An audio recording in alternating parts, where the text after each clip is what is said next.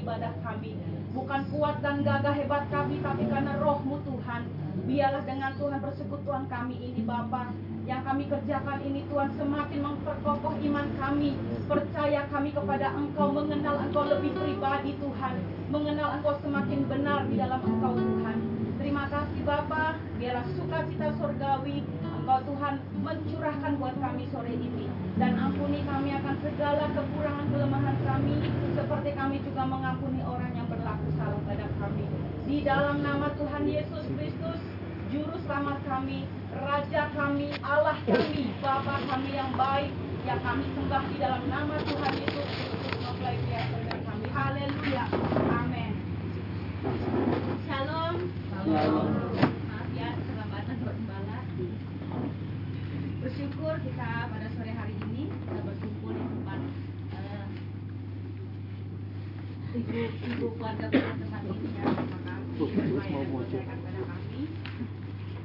Mari kita bersama-sama bersuka cita pada sore hari ini bahwa kita katakan saat ini kita datang lagi kepadamu Tuhan junjungan hidup kita. Yesus Kristus adalah junjungan hidup kita. Amin.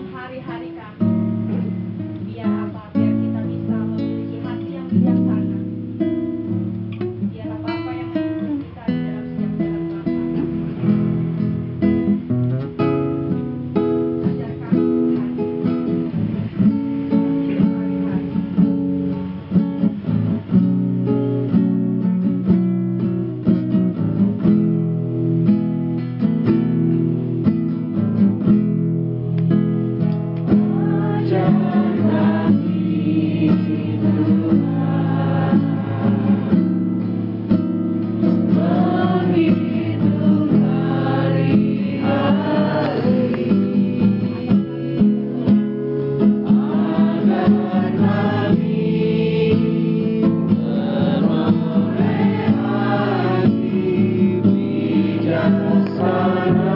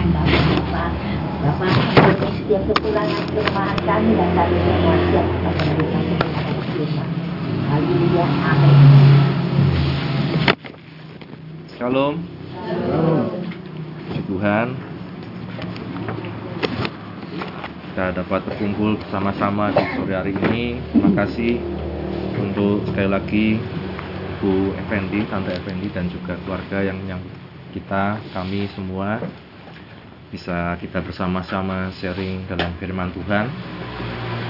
Dan kita akan sama-sama kembali belajar dari firman Tuhan, Bapak Ibu sudah sekalian. Dan nantinya setelah ini akan ada sharing bagi Bapak Ibu sudah sekalian yang ingin uh, menambahkan, bertanya atau kesaksian dan lain-lain, kami persilakan. Dan nanti juga ada kesempatan untuk tuan rumah ya, untuk memberikan uh, satu dua patah kata ya nantinya. Mari Bapak Ibu Saudara sekalian kita akan melanjutkan pembelajaran kita dalam firman Tuhan di 1 Yohanes pasal yang keempat 1 Yohanes pasal yang keempat Mulai dari ayat yang pertama kita baca lagi sampai ayat yang ke-8 1 Yohanes 4 ayat 1 sampai 8 1 Yohanes pasal 4 ayat 1 sampai 8. Roh Allah dan roh antikristus. Saudara saudara-saudaraku yang kekasih, janganlah percaya akan setiap roh, tetapi ujilah roh-roh itu apakah mereka berasal dari Allah, sebab banyak nabi-nabi palsu yang telah muncul dan pergi ke seluruh dunia. Demikianlah kita mengenal roh Allah. Setiap roh yang mengaku bahwa Yesus Kristus telah datang sebagai manusia berasal dari Allah dan setiap roh yang tidak mengaku Yesus ber, tidak berasal dari Allah.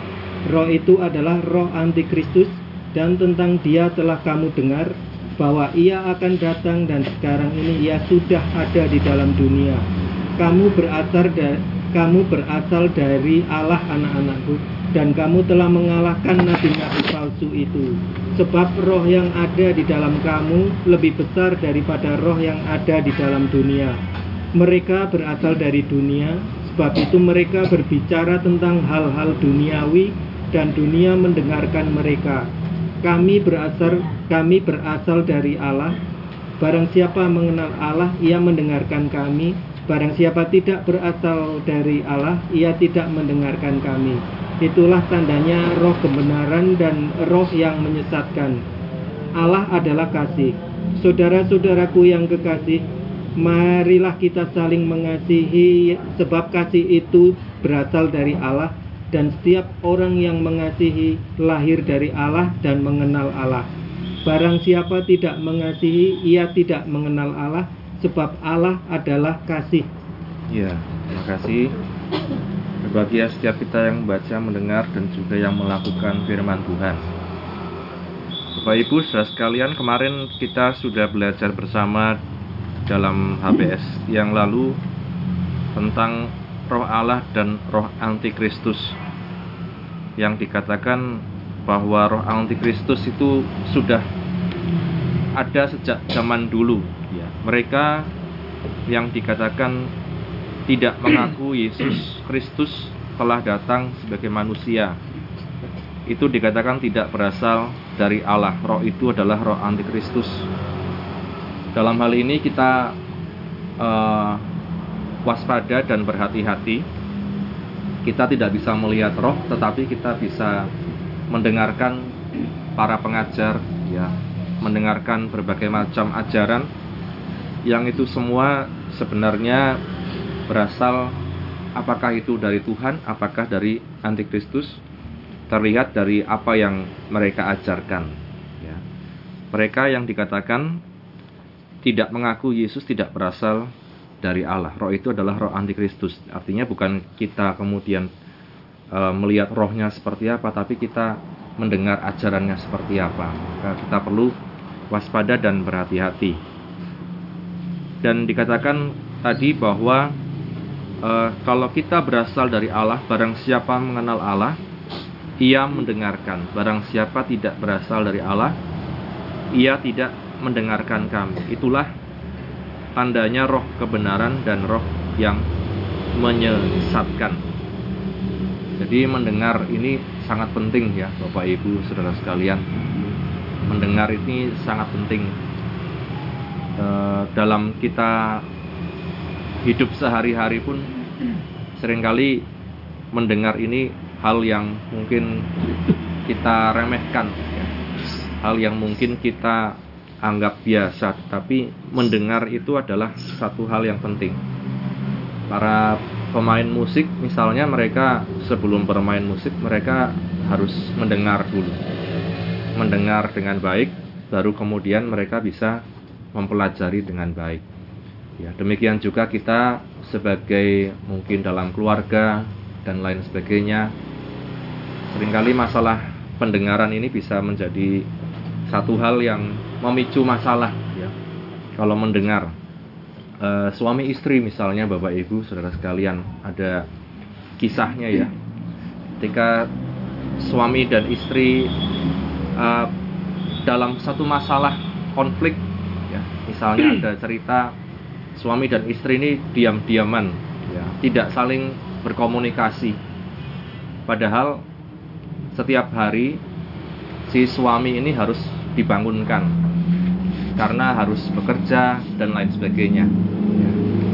Lalu kemudian si suami ini apa yang dilakukan dia tulis kertas ya. Tulis di kertas, ditempel di apa itu namanya? lemari pakaian di dekat kamar dikatakan istriku bangunkan aku besok jam 5 pagi ya. Karena mereka lagi masalah tidak omong-omongan ya. Istrinya melihat itu dibaca, oh iya, besok saya bangunkan dalam hati di batin. Besoknya Bapak Ibu saudara sekalian ternyata suaminya kesiangan, ya, kesiangan. Dia marah sama istrinya, ya. Tetapi istrinya kemudian uh, mengatakan, engkau tidak melihat pesan di lemari pakaian, ya. Di lemari pakaian istrinya sudah tulis bangun, ya, jam 5 pagi, ya.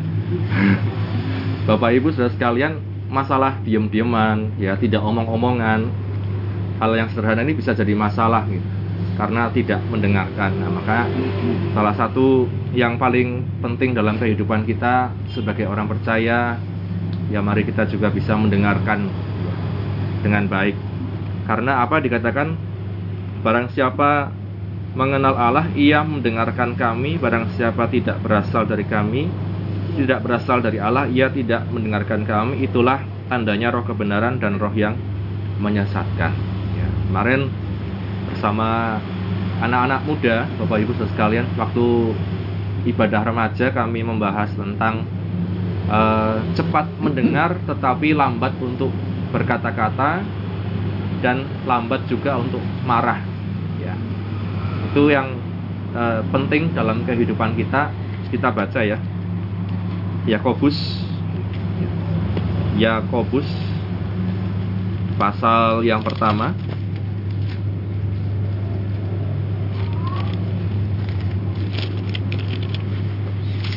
ayat berapa ya?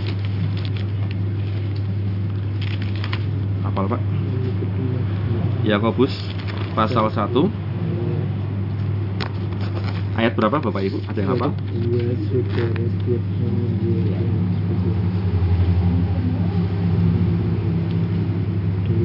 Barang siapa apa dia harus cepat untuk mendengar tetapi lambat untuk berkata-kata.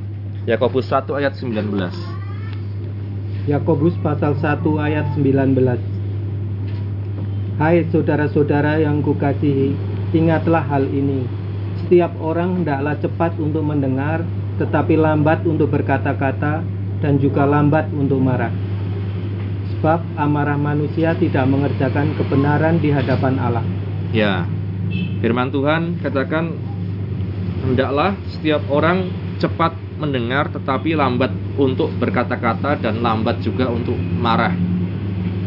Amarah manusia dikatakan tidak mengerjakan kebenaran di hadapan Allah atau kemarahan manusia tidak menghasilkan kebenaran Allah ya.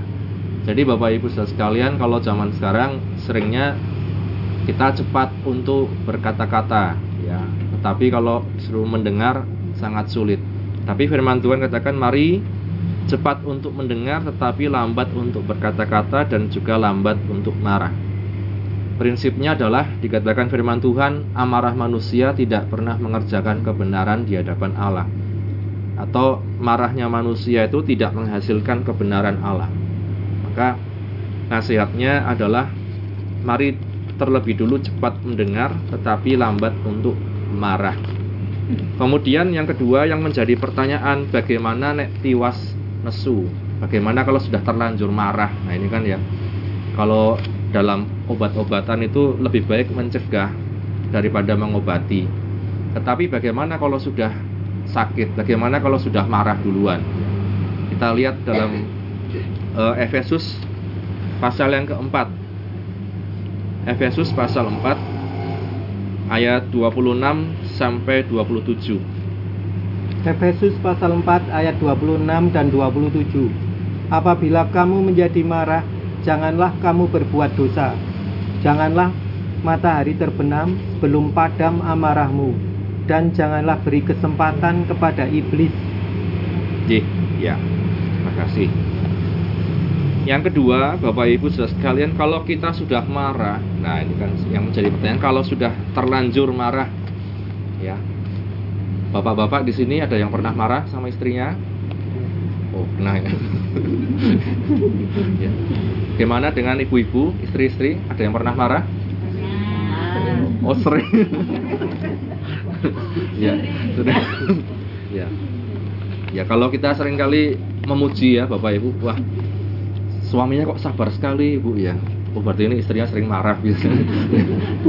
nah, tapi demikian juga sebaliknya.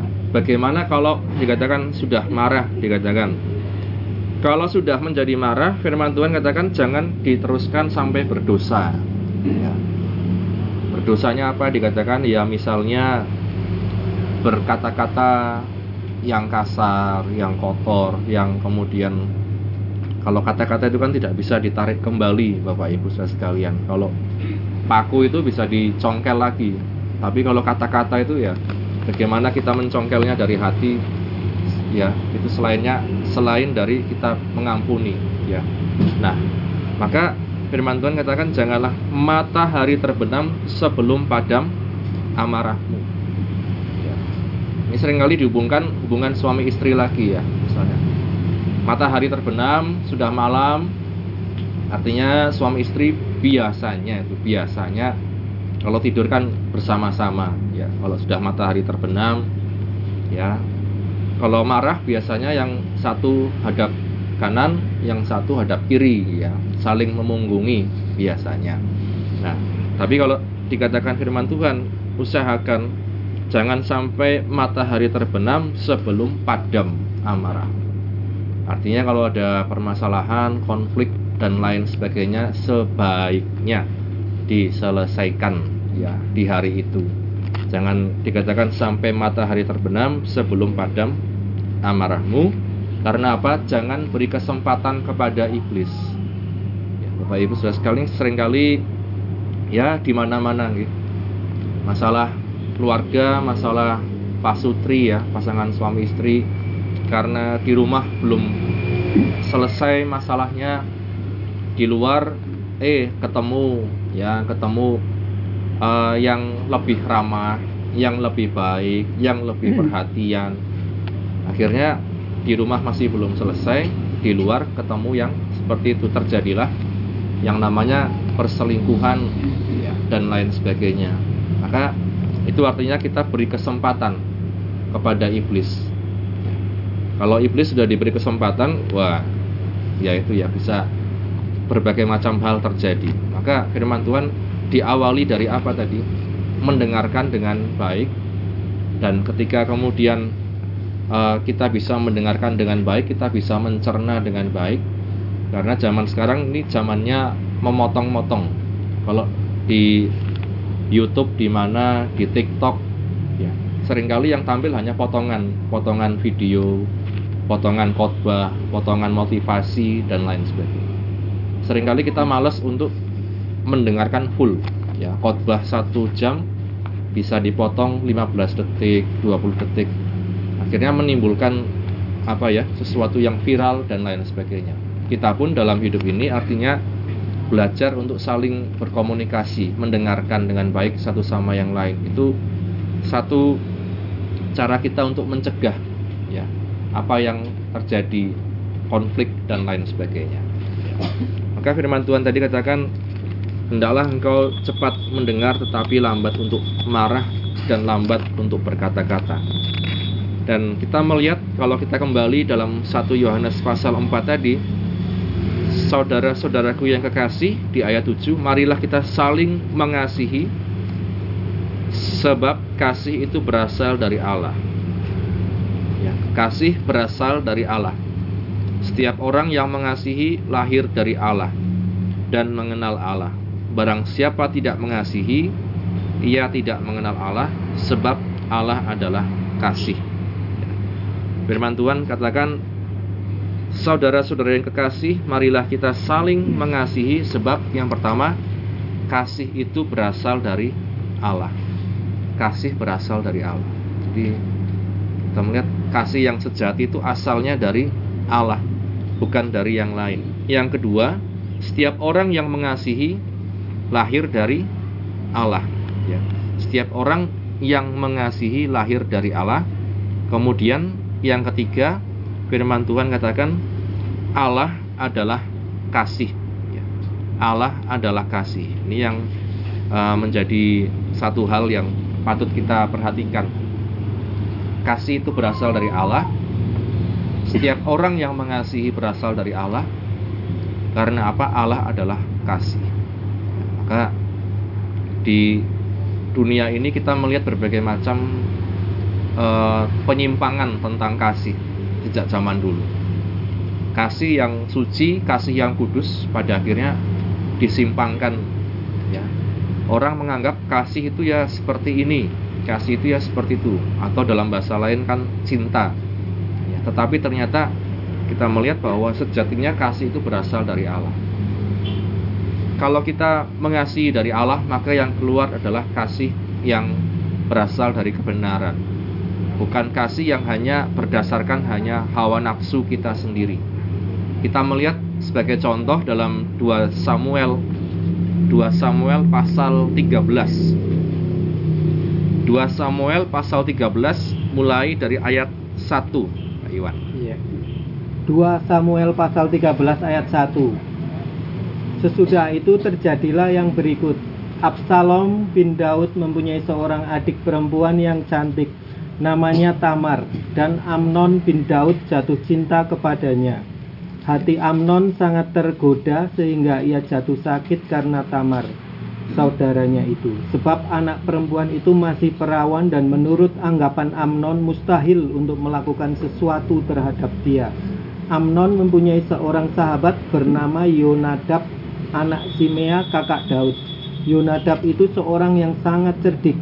Katanya kepada Amnon, Hai anak raja, mengapa engkau demikian merana setiap pagi? Tidakkah lebih baik engkau memberitahukannya kepadaku? Kata Amnon kepadanya, Aku cinta kepada Tamar, adik perempuan Absalom, saudaraku itu. Ya, sampai di situ kita melihat ada satu contoh tentang kasih ya, atau cinta tetapi ini menjadi contoh yang uh, buruk, contoh yang negatif. Jadi dalam dunia ini pun ada kasih, ada cinta Bapak Ibu Saudara sekalian. Misalnya ketika seorang Amnon jatuh cinta kepada Tamar, adik dari Absalom. Dan uh, Amnon ini bingung gimana caranya PDKT sama Tamar, ya, bagaimana cara untuk mendekatinya. Lalu ada seorang sahabat namanya Yonadab. Apa yang diusulkan Yonadab di ayat yang kelima? 2 Samuel pasal 13 ayat 5. Lalu berkatalah Yonadab kepadanya, Berbaringlah di tempat tidurmu dan berbuat pura-pura sakit. Apabila ayahmu datang menengok engkau, maka haruslah engkau berkata kepadanya, Izinkanlah adikku Tamar datang memberi aku makan. Apabila ia menyediakan makanan di depan mataku, sehingga aku dapat melihatnya, maka aku akan memakannya dari tangannya. Terus Sesudah itu berbaringlah Amnon dan berbuat pura-pura sakit. Ketika raja datang menengok dia, berkatalah Amnon kepada raja, Izinkanlah adikku Tamar datang membuat barang dua kue di depan mataku, supaya aku memakannya dari tangannya. Lalu Daud menyuruh orang kepada Tamar ke rumahnya dengan pesan, Pergilah ke rumah Amnon, kakakmu, dan sediakanlah makanan baginya. ayat 11 Ayat 11 Ketika gadis itu menghidangkannya kepadanya supaya ia makan Dipegangnyalah gadis itu dan berkata kepadanya Marilah tidur dengan aku adikku. Terus? Tetapi gadis itu berkata kepadanya Tidak kakakku jangan perkosa aku Sebab orang tidak berlaku seperti itu di Israel. Janganlah berbuat noda seperti itu. Dan aku ke manakah ku bawa kecemaranku dan engkau ini engkau akan dianggap sebagai orang yang bebal di Israel. Oleh sebab itu, berbicaralah dengan raja sebab ia tidak akan menolak memberikan aku kepadamu. Tetapi Amnon tidak mau mendengarkan perkataannya dan sebab ia lebih kuat daripadanya, diperkosanya lah, diperkosanya lah dia lalu tidur dengan dia. 15 Kemudian timbullah kebencian yang sangat besar pada Amnon terhadap gadis itu. Bahkan lebih besar benci yang dirasanya kepada gadis itu daripada cinta yang dirasanya sebelumnya. Lalu Amnon berkata kepadanya, Bangunlah, nyalah. Lalu berkatalah gadis itu kepadanya, Tidak kakakku, sebab menyuruh aku pergi adalah lebih jahat daripada apa yang telah kau lakukan kepadaku tadi. Tetapi Amnon tidak mau mendengarkan dia. Ya, sampai di sini. Kita melihat Bapak Ibu Saudara sekalian satu contoh. Ini contoh ekstrim, tetapi ya kita mengambil pelajaran dari sini bahwa di dunia ini pun ada banyak cinta, ada banyak kasih Bapak Ibu Saudara sekalian. Tetapi kita melihat ketika didasari hanya pada nafsu, nafsu sesaat dikatakan yang dihasilkan apa, yang dibuahkan apa, yaitu yang pertama kepura-puraan. Ya. Tadi Amnon katakan dia pura-pura sakit.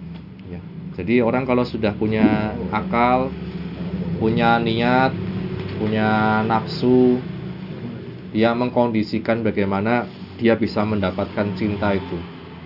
Ya. Kemudian dikatakan dia sudah uh, mendapatkan ide, dia kemudian melakukan idenya, tidak sampai di sana, kemudian dia memperkosa Tamar. Ya. Dan apa yang terjadi setelah itu Bapak Ibu Saudara sekalian yang dikatakan firman Tuhan, kemudian timbullah kebencian yang sangat besar kepada Amnon, bahkan lebih besar benci yang dirasanya kepada gadis itu daripada cinta yang dirasanya sebelumnya. Artinya Bapak Ibu, cinta di dunia ini ketika tidak didasari oleh kebenaran, oleh firman Tuhan, tidak didasari oleh apa yang dihasilkan dari pribadi Allah sendiri. Cinta itu ketika hanya didasari nafsu, kemudian pada akhirnya menimbulkan justru kebencian yang sangat besar. Sebab itu kalau kita ibaratnya makan buah cinta yang hanya didasari nafsu, pada akhirnya yang timbul justru adalah kebencian yang sangat besar. Ya, maka kita melihat di firman Tuhan adalah Allah adalah kasih, kasih berasal dari Allah. Ketika kita melihat juga dalam dunia ini ada kasih yang dihasilkan dari dunia ini yang didasari nafsu dan lain sebagainya. Pada akhirnya ketika sudah didapatkan apa yang diinginkan pada akhirnya yang dihasilkan yang timbul justru kebencian. Ya. maka harus kita berhati-hati dalam kita menjalani hidup ini Bapak Ibu Saudara sekalian. Jangan sampai kita uh, termakan omongan dari misalnya para amnon-amnon ini ya ya para penipu para amnon-amnon yang sepertinya baik sepertinya indah tetapi pada akhirnya justru menghasilkan kebencian Dan apa yang kita lihat tadi justru Tamar ini dicampakkan, dicampakkan pada akhirnya. Maka kita melihat kalau dalam kehidupan dunia ini dikatakan bukan hanya cinta tapi benci, benci tapi rindu. Tapi kita lihat di sini Amnon ini benar-benar benci. Habis dia cinta, dia benar-benar benci.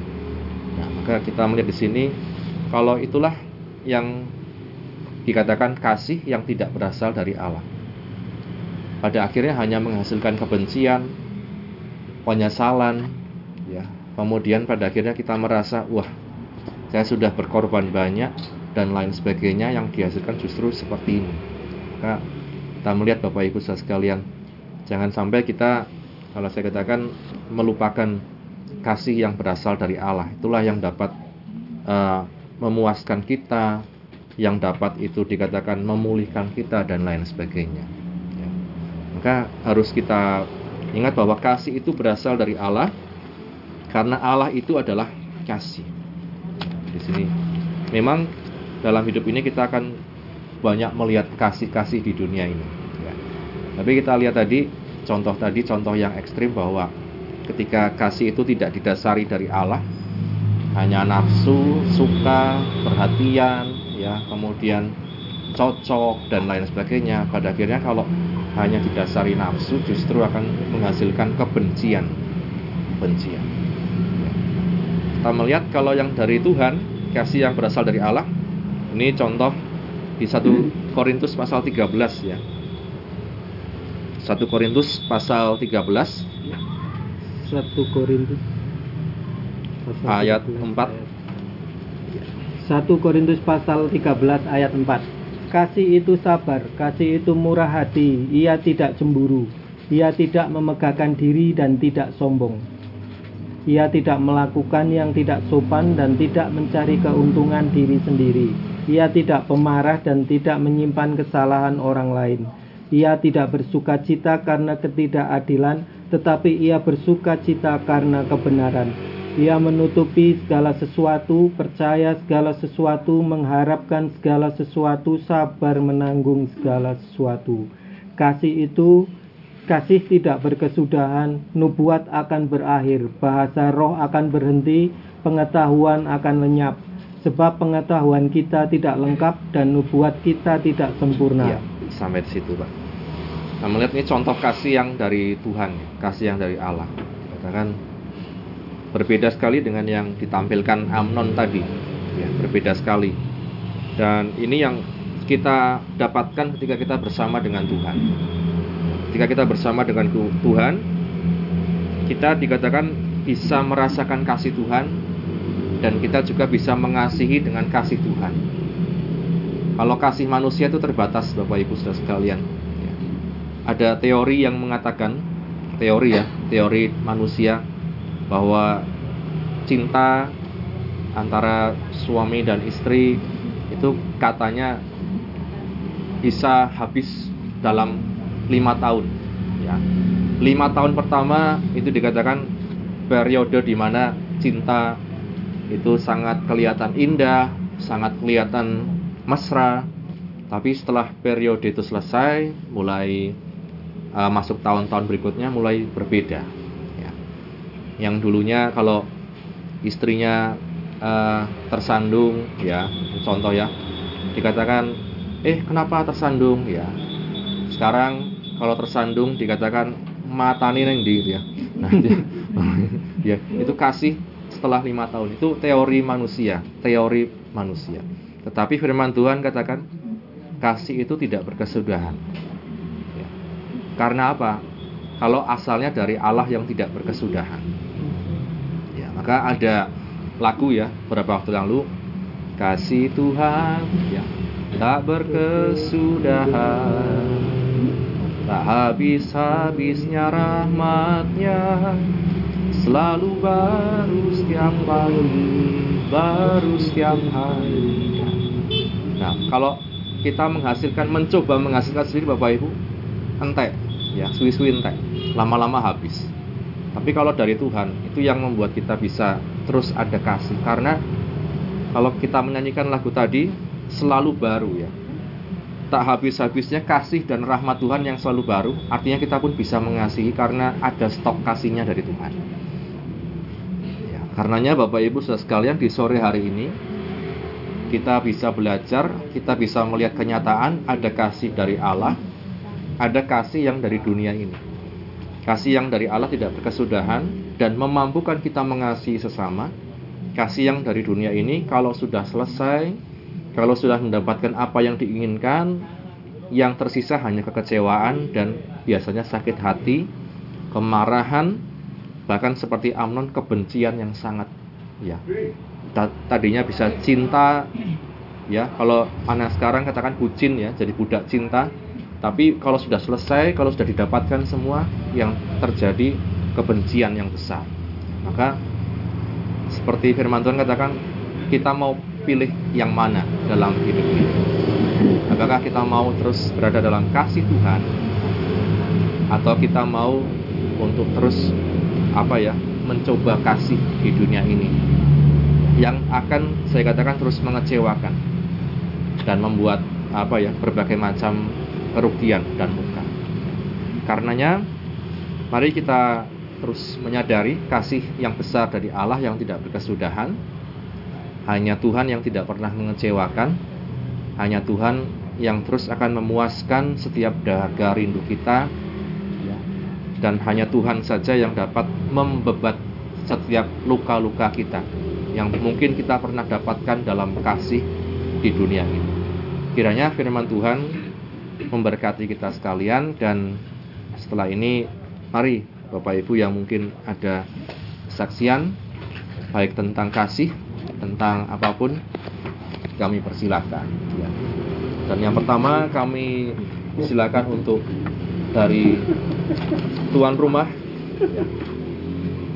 baik Ibu Effendi atau si Ayu oh akan membuat patah dua patah kata nah, bukan kesaksian juga tapi kayak gini kalau terutama yang buat anak muda itu ya yang tadi uh, kasih itu ya yang tadi tadi itu yang bucin yang nafsu. Nah sedangkan yang dari Tuhan itu kan yang yang murni gitu ya. Tapi banyak yang tidak paham itu. Ya saya juga sering lihat ngikuti di kayak sosmed gitu kan memang apa sih dikatakan dunia itu cinta itu ternyata berbeda dengan yang di pengajaran Alkitab kan seperti itu ya. Ya itu saja sih saya sering membandingkan maksudnya. Ya. makasih si Ayu. Ya di tante ada tambahan? Jadi ya cinta memang kalau kita bandingkan yang di dunia di kasus-kasus dengan yang sangat berbeda sekali. Dan sekali lagi ya saya katakan Bapak Ibu sekali namanya manusia ya. Kita punya pilihan dalam hidup ini. Dan juga tidak lupa kita juga mendoakan ya untuk si Ayu dalam rencananya. Ya. Uh, kapan sih? Oh iya dalam rencana si Ayu untuk pernikahan ya. Nanti tahun depan kita mendoakan. Ya Tuhan menolong melancarkan semua. Demikian Bapak Ibu dari tuan rumah. Silahkan monggo. Bagi yang punya pengalaman ya tentang cinta atau tentang apa pun kami persilahkan. Silakan.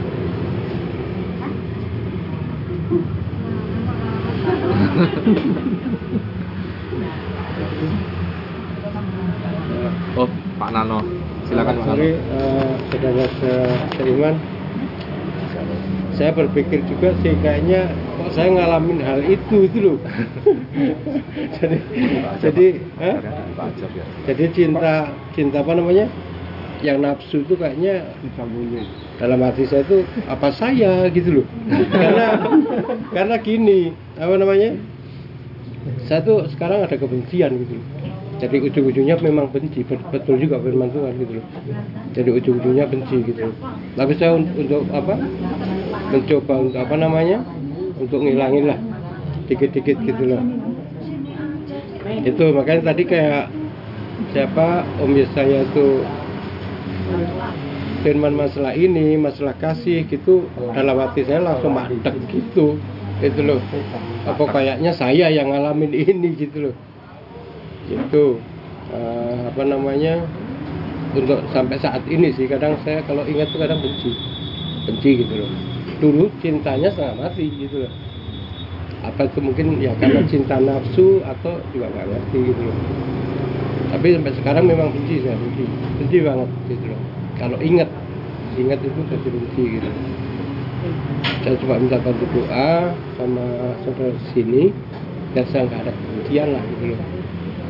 Mungkin kalau saya juga minta bantu doa juga mungkin akhir bulan ini saya mau balik ke Bali ke Denpasar untuk cari kerja. Karena di sini untuk kerja kayaknya suruh nunggu nunggu nunggu gitu lah jadi saya terpaksa mungkin harus balik lagi ke Denpasar akhir bulan ini gitu loh. Tapi nggak lama di sana gitu. Itu aja saya terima kasih sekali untuk firmannya sore hari ini. Itu mengingatkan saya biar saya nggak benci lah sama seseorang terutama istri saya itu yang di Bali gitu loh itu aja sih Ya. Terima kasih Pak Nono saksiannya. Dan kita doakan rencana akhir bulan ya Pak mau Ya. ke Bali mencari kerja Tuhan membuka jalan. Amin. Amin. Silakan bapak-bapak, ibu-ibu yang mau melanjutkan kisah kasih di sekolah.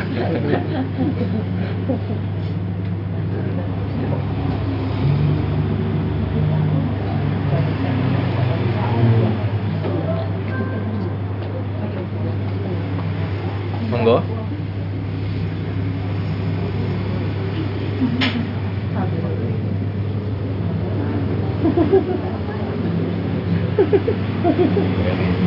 Eli ini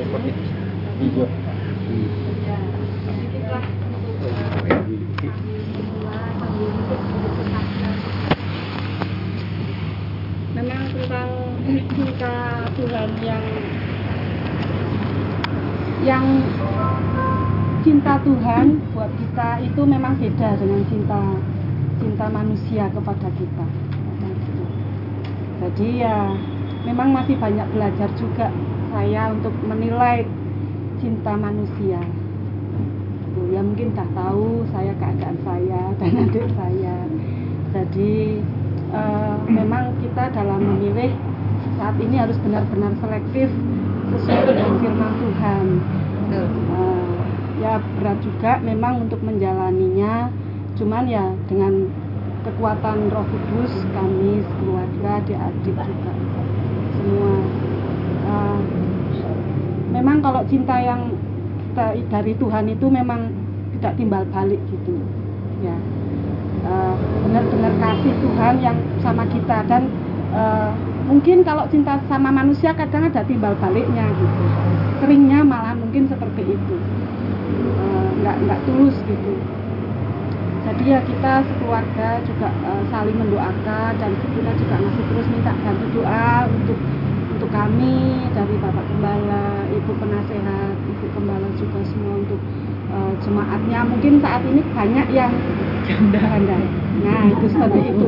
Itu tidak di- sudah tidak dipungkiri seperti itu. Jadi ya selalu doakan kami untuk tetap tetap kuat, tetap pegang iman kami dan bila Tuhan izinkan kami mendapatkan jodoh yang yang seiman. Nah, gitu. Ya nah, seperti itu. Ya saya juga berdoa untuk semua saudara-saudara dan mungkin anak-anak remaja kita juga yang saat ini eh, mungkin sedang mencari untuk pasangan hidup mereka.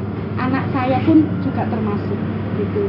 Jadi ya saya minta tuh minta minta bantu doa buat eh, buat saya anak saya juga buat semua lah anak-anak remaja kita untuk mendapatkan pasangan hidup yang sesuai firman Tuhan yang di jalan Tuhan dan yang yang tidak menyalahi firman Tuhan yang jelas seperti itu. Banyak pergumulan yang memang kita semua jemaat kita alami. Eh, saya juga untuk orang tua yang mungkin saat ini mempunyai remaja, anak-anak dewasa ya eh, selalu uh, mendoakan untuk anak-anak kita untuk uh, lebih dekat dan mungkin tidak lupa untuk selalu melayani sebisa mungkin di mana pun ditempatkan. Yang mungkin banyak yang di luar kota gitu.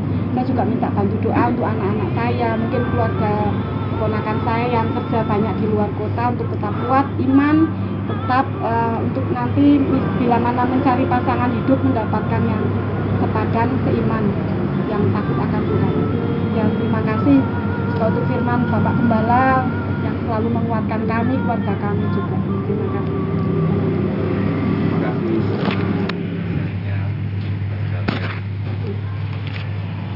Silakan Bu Ibu, Bapak-bapak yang mau melanjutkan, mau menambahkan. Pak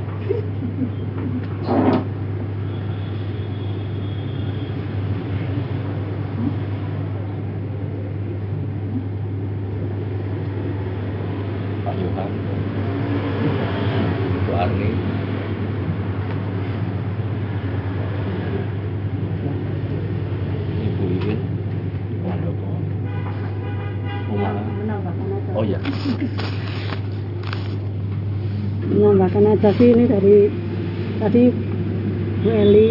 Memang kalau kalau kasih dari Tuhan memang murni kalau kasih sesama memang kadang menuntut timbal balik ya ya, ya kami bersyukur puji Tuhan kalau sampai saat ini kami berkeluarga berumah tangga masih apa ya masih tetap terjaga oleh karena kemurahan Tuhan. Saya pribadi kadang sok mikir, saya udah berbuat ini ini ini, mbok, mbok, mbok yo, yo apa, podo-podo gitu lah dalam hati ya, tapi tapi ya nggak cuma gitu apa, cuma dalam hati ya gitu, tapi ya puji Tuhan, Tuhan selalu mengingatkan itu dalam setiap ini dalam setiap firman Tuhan dalam setiap ibadah ibadah dalam setiap apa eh, persekutuan-persekutuan dan selalu mengingatkan mengingatkan. Gitu meskipun tiap hari diperhadapkan dalam situasi yang sama kayak gitu kayak gitu terus. Tapi Tuhan semua itu karena kemurahan Tuhan dan kekuatan yang dari Tuhan. Sehingga sampai saat ini dan saya harap sampai selamanya nanti kami tetap menjalani hidup bersama. Kami mohon dukungan doa buat semuanya. Itu sampai terima kasih. Terima kasih baik. Tambahannya sekalian. Mari ada lagi?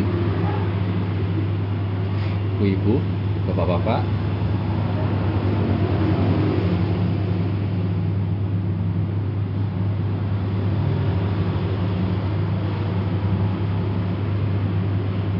Oma, Oma Oma, Putih.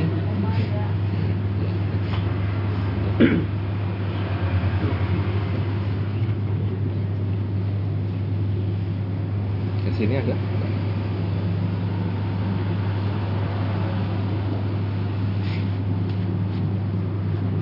Pak Saun ada? tahun ada tapi ya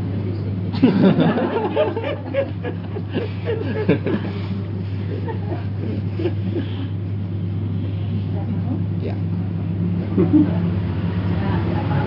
Oh, enggak. Tidak ada lagi Bapak Ibu? Ya. Kalau tidak ada, kita akan sama-sama berdoa syafaat.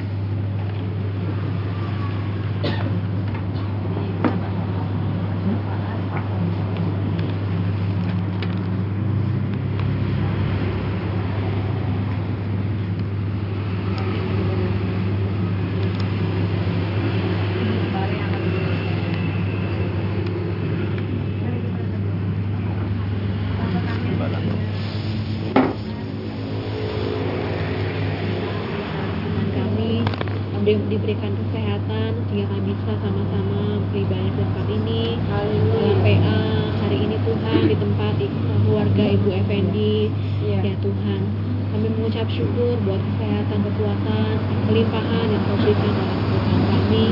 Juga ya Tuhan, untuk keluarga di tempat ini yang telah membuka rumahnya bagi kami. Kiranya Tuhan kau senantiasa menambahkan kesehatan, kekuatan, panjang umur Tuhan bagi Ibu Effendi dan juga Tuhan segala usaha pekerjaan yang dikerjakan di keluarga ini Tuhan Tuhan memberkati berlipat kali ganda ya Bapa dan juga Tuhan segala perencanaan pernikahan segala urusan dan sebagainya Tuhan kiranya Tuhan yang mengaruniakan kasih daripada surga Kau yang melancarkan segala sesuatunya bahkan Kau yang memberkati semua ya Tuhan jadi keluarga yang berkenan di hadirat Allah ya Bapa Terima kasih ya Tuhan, terima kasih. Pada saat ini kami akan menaikkan doa-doa setiap saat kami, kiranya Engkau memberkati. Terima kasih Tuhan, kami mengucap syukur juga untuk setiap firman Tuhan yang kami dengar setiap hari ini Tuhan. Kiranya Engkau yang berbicara secara lebih lagi dalam kehidupan kami. Engkau yang tahu Tuhan bagaimana kedalaman hati kami, apa isi hati kami, apakah ada kasih ataupun ada kebencian dalam hati kami. Kiranya Engkau yang mengoreksi semua ya Bapa. Dan kiranya Tuhan lewat firman-Mu itu bisa mampukan kami untuk kami punya kasih daripada surga, kasih daripada Allah yang sempurna. Sehingga kami mampu Tuhan dimampukan untuk mengasihi dengan cara yang berkenan, dengan cara yang hormat, dengan cara yang benar di hadirat-Mu ya Tuhan. Kalau hari-hari ini Tuhan kami harus memilih mana yang harus kami pilih pasangan yang tepat yang terbaik bagi bagi mereka yang membutuhkan ya Tuhan. Tuhan menolong, Tuhan mengurapi, Tuhan memberikan jalan pintu berkat-Mu ya Tuhan, menunjukkan yang terbaik daripadamu. Saudara-saudara kami Tuhan yang merindukan pasangan hidup, di mana pun mereka berada ya Tuhan, Tuhan tunjukkan yang terbaik daripada Tuhan. Tuhan berkati ya Bapak.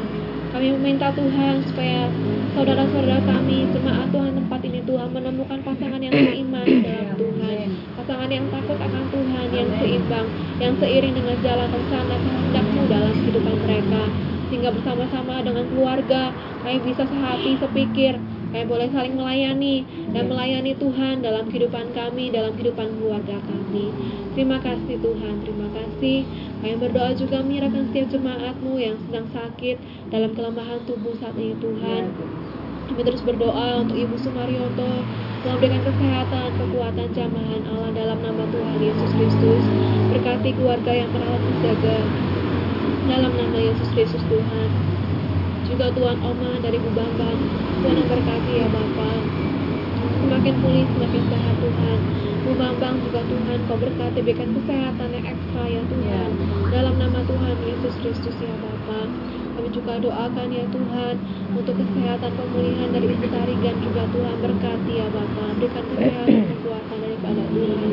Mak juga Tuhan yang sempat Tuhan juga berkati tambahkan kekuatan kesehatan daripada Tuhan. Terima kasih Tuhan saudara Agus saudara Titus Tuhan kami dalam tanganmu untuk memakai anak muda ini Tuhan. Kembali kepada Tuhan mengasihi Tuhan sungguh-sungguh hidup di dalam Engkau ya Tuhan Terima kasih Bapak, terima kasih juga jemaat yang lain yang masih terapi, pengobatan, pemulihan. Tuhan juga memberkati setiap proses berjalan dengan baik saja. Nama Tuhan dipermuliakan ya Bapak. Banyak kesaksian-kesaksian terjadi ya Tuhan karena Engkau mengadakan tanda-tanda mujizat-mujizat karunia-karunia yang terjadi atas jemaat di tempat ini. Setiap mereka yang lemah, yang letih, yang lesu ya Tuhan, yang beban berat, kami serahkan di dalam tangan-Mu ya Tuhan. Kuatkan iman mereka. Kami teguh, tetap teguh, tetap setia di dalam Engkau ya Tuhan. Mengiring Engkau selama-lamanya ya Bapa. Yang mundur daripadamu Tuhan, yang sudah lama tidak beribadah. Tuhan kuatkan ya Bapa agar mereka tetap kembali kepada Tuhan. Melangkahkan kaki mereka dengan berani Tuhan untuk beribadah kepadamu ya Tuhan. Terima kasih ya Yesus, terima kasih. Hamba-hambamu yang sudah melayani sore hari tempat ini kau memberkati berikan hikmat kekuatan kesehatan daripada Tuhan. Juga Tuhan keluarga pastori Tuhan kami dukung doa ya Bapa kau karuniakan Tuhan kesehatan kekuatan kelimpahan berkat rohani jasmani Tuhan. Pengurapan Allah tanda-tanda karunia-karunia kau nyatakan ya Bapa. Sehingga Tuhan pelayanan pastor Tuhan semakin mempermuliakan nama Tuhan dan semakin menjadi berkat bagi jemaatmu setiap program kegiatan gereja di tempat ini Tuhan kami dalam tangan Tuhan Tuhan kiranya campur tangan senantiasa ya Bapa. Tuhan mengurapi Tuhan memberkati. Tambahkan jiwa-jiwa baru Tuhan. Kembalikan jiwa-jiwa yang lama yang terhilang Tuhan. Kau kembalikan ke rumahmu ya Tuhan. Terima kasih ya Bapa. Kau tahu Wonosobo Tuhan memberkati. Juga bangsa Indonesia Tuhan. Engkau terus matamu tertuju atas bangsa kami ya Tuhan rencana pemilu tahun depan kau juga mengurapi ya Bapa biar semua terjadi seizin daripada Tuhan. Ya. kau melimpahkan damai sejahtera keamanan dari segala penjuru. Ya, kami halaukan Tuhan segala bentuk-bentuk pertikaian ancaman bahaya apa pun Tuhan kami tolak gagalkan dalam nama Tuhan Yesus Kristus ya Bapa. Terima kasih Tuhan terima kasih. Kami yang sudah hadir pada saat sore hari ini Tuhan. Kami dalam tanganmu apa pun yang jadi beban masalah pergumulan kami masing-masing. Kiranya Tuhan firmanmu yang meneguhkan kami. Kiranya setiap doa-doa kami naik di hadirat Tuhan dan engkau berkenan untuk menjawab untuk mendengar satu persatu setiap keluhan kami. Dan engkau menambahkan kekuatan menambahkan penghiburan dan memberikan jalan keluar atas setiap pergumulan hidup kami masing-masing. Kami boleh pulang dengan damai sejahtera dan dengan kekuatan daripada Tuhan terima kasih Bapak. Terima kasih yang tidak sempat hadir karena kesibukan maupun karena sakit. Tuhan juga menolong agar minggu-minggu depan bisa bersama kami kembali beribadah kepada Tuhan lewat persekutuan PA ini. Biar Tuhan PA ini Tuhan buat kami bisa saling membangun saling menguatkan satu Iya. dengan yang lain. Kami saling menopang dalam doa satu dengan yang lain Tuhan sehingga iman kami semakin bertumbuh menjadi kedewasaan rohani bagi setiap hidup kami. Terima kasih Bapak. Terima kasih dan apabila sebentar kami akan pulang ke rumah kami masing-masing kiranya Tuhan memberkati perjalanan pulang kami selamat tanpa kurang suatu apa pun bertemu bersama dengan keluarga kembali Terima kasih ya Bapak, terima kasih. Ampuni segala kesalahan kekurangan kami dalam pelaksanaan kegiatan ini. Dalam nama Tuhan Yesus Kristus kami tutup doa ini. Haleluya. Amin. Amin. Terima kasih karunia. Tuhan menghadapkan wajah kepadamu dan memberi engkau damai sejahtera. Doa ini kami nikam di dalam nama Tuhan Yesus Kristus. Bye.